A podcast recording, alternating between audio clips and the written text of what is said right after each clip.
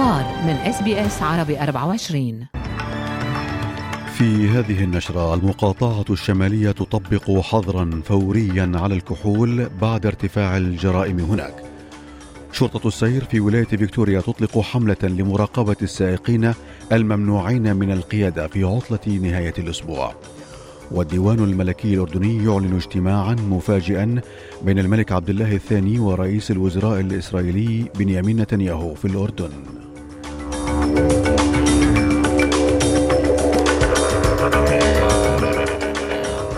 التميمي يحييكم وإليكم تفاصيل النشرة. ونبدأ النشرة من المقاطعة الشمالية حيث ستقيد حكومة المقاطعة بيع الكحول في أليس سبرينغز بعد أزمة جرائم الشباب المتزايدة. وزار رئيس الوزراء أنتوني ألبانيزي المدينة النائية يوم أمس والتقى بحكومة المقاطعة والمجلس المحلي والمجموعات المجتمعية والشرطة ومقدمي الخدمات في الخطوط الأمامية. فيما انضمت إليه وزيرة السكان الأصليين الأستراليين ليندا بورني التي أعلنت مع رئيسة وزراء المقاطعة ناتاشا فيليس عن سلسلة عن سلسلة إجراءات للحد من العنف. So I do ask the community to understand we do not take these decisions lightly, but these are measures to reduce the amount of alcohol in our community. Is it a decision that police fully support? And by reducing that amount of alcohol, we will reduce the harm. وتشمل الإجراءات حظرا فوريا على بيع الكحول في المنطقة يومي الاثنين والثلاثاء مع تخفيض ساعات البيع في أيام أخرى بين الساعة الثالثة مساء والسابعة مساء مع تحديد البيع لمرة واحدة فقط في اليوم. كما تم تعيين المراقب الإقليمي وسط أستراليا دورل أندرسون لمراقبة وضمان سير العملية وتقديم الخدمات إلى المجتمع في سياق محلي آخر أمرت محكمة هندية بتسليم راجويندر سينغ المتهم بقتل امرأة من كوينزلاند حيث إنه مطلوب من قبل السلطات منذ أربع سنوات منذ العثور على جثة تويا كوردينغلي البالغ من العمر 24 عاما على شاطئ في شمال كيرنز حيث فر إلى الهند بعد فعلته. في ولاية فيكتوريا تعمل الشرطة هناك على تشديد الرقابة على السائقين غير المصرح لهم بالقيادة إثر تورطهم في حوادث اصطدام مميتة العام الماضي خاصة خلال عطلة نهاية الأسبوع الطويلة بمناسبة يوم استراليا مع ازدياد عدد السائقين المخالفين. وقد أطلقت الشرطة حملة على الطرق على مستوى الولاية لكشف السائقين المخالفين للقانون وقال مساعد مفوض شرطة الطرق جلين وير إن هذه الحملة جاءت لحماية المواطنين على الطرق. I ask people to slow down, plan their journey. It's going to be warm um, at the weekend. Saturday is going to be a really hot day. So just make sure you plan your trip, take plenty of breaks. You're better off being 15 minutes late and arriving healthy than putting yourself at risk of suffering road trauma. في سياق آخر أطلقت Safe Transport Victoria حملة توعوية لراكبي القوارب والتجديف بضرورة الوعي والاستعداد الحذر عند ركوب البحر أو تمضية الوقت على الشواطئ هذا الصيف فيما توصي الحملة بارتداء ستر النجاة وصيانتها مع حمل ما لا يقل عن جهازي اتصالات مضادين للماء والتحقق من الطقس قبل وبعد الانطلاق فيما قال المتحدث الرسمي باسم الحملة جاريث جونسون إن سلامة القوارب هي أمر بالغ الأهمية على مدار السنة. In Victoria, the water temperature is below 15 degrees for nearly eight months of the year. This means you either need to self rescue or raise the alarm quickly. A well fitted, secure life jacket will be your best friend. However, to raise the alarm, you need to think about distress beacons or a VHF radio or a mobile phone. When you are checking the weather, go to the Boating Vic app by Safe Transport Victoria.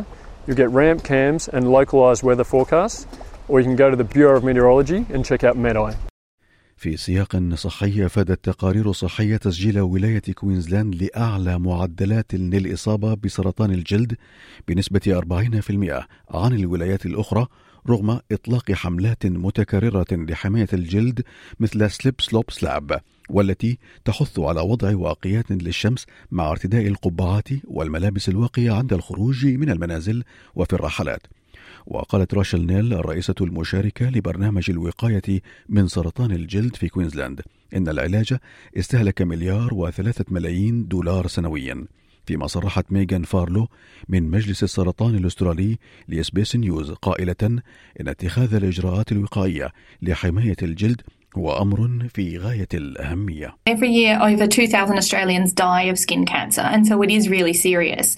The good thing though is that the slip slop slap message is still current, is still correct. Um, we've just added two more, so seek and slide. And so what it's about is about making sure you're taking, doing as many things as possible to protect yourself from the sun. في سياق شرق أوسطي ورد في بيان للديوان الملكي الأردني أن رئيس الوزراء الإسرائيلي بنيامين نتنياهو قام بزيارة مفاجئة إلى الأردن يوم أمس وأجرى محادثات مع الملك عبد الله والذي شدد على حاجة إسرائيل إلى احترام الوضع القانوني والتاريخي القائم في حرم المسجد الأقصى في القدس مع ضرورة الالتزام بالتهدئة لفتح أفق سلام سياسي لعملية السلام. فيما قال مكتب نتنياهو إن الزعيمين ناقشا قضايا المنطقة لا سيما التعاون الاستراتيجي والأمني والاقتصادي بين البلدين هذا وقد أدت عودة نتنياهو إلى السلطة إلى زيادة مخاوف الأردن من أن تؤدي السياسات اليمينية التي تتضمن إسراع وتيرة بناء المستوطنات على الأراضي الفلسطينية في الضفة الغربية إلى اندلاع دائرة جديدة من العنف.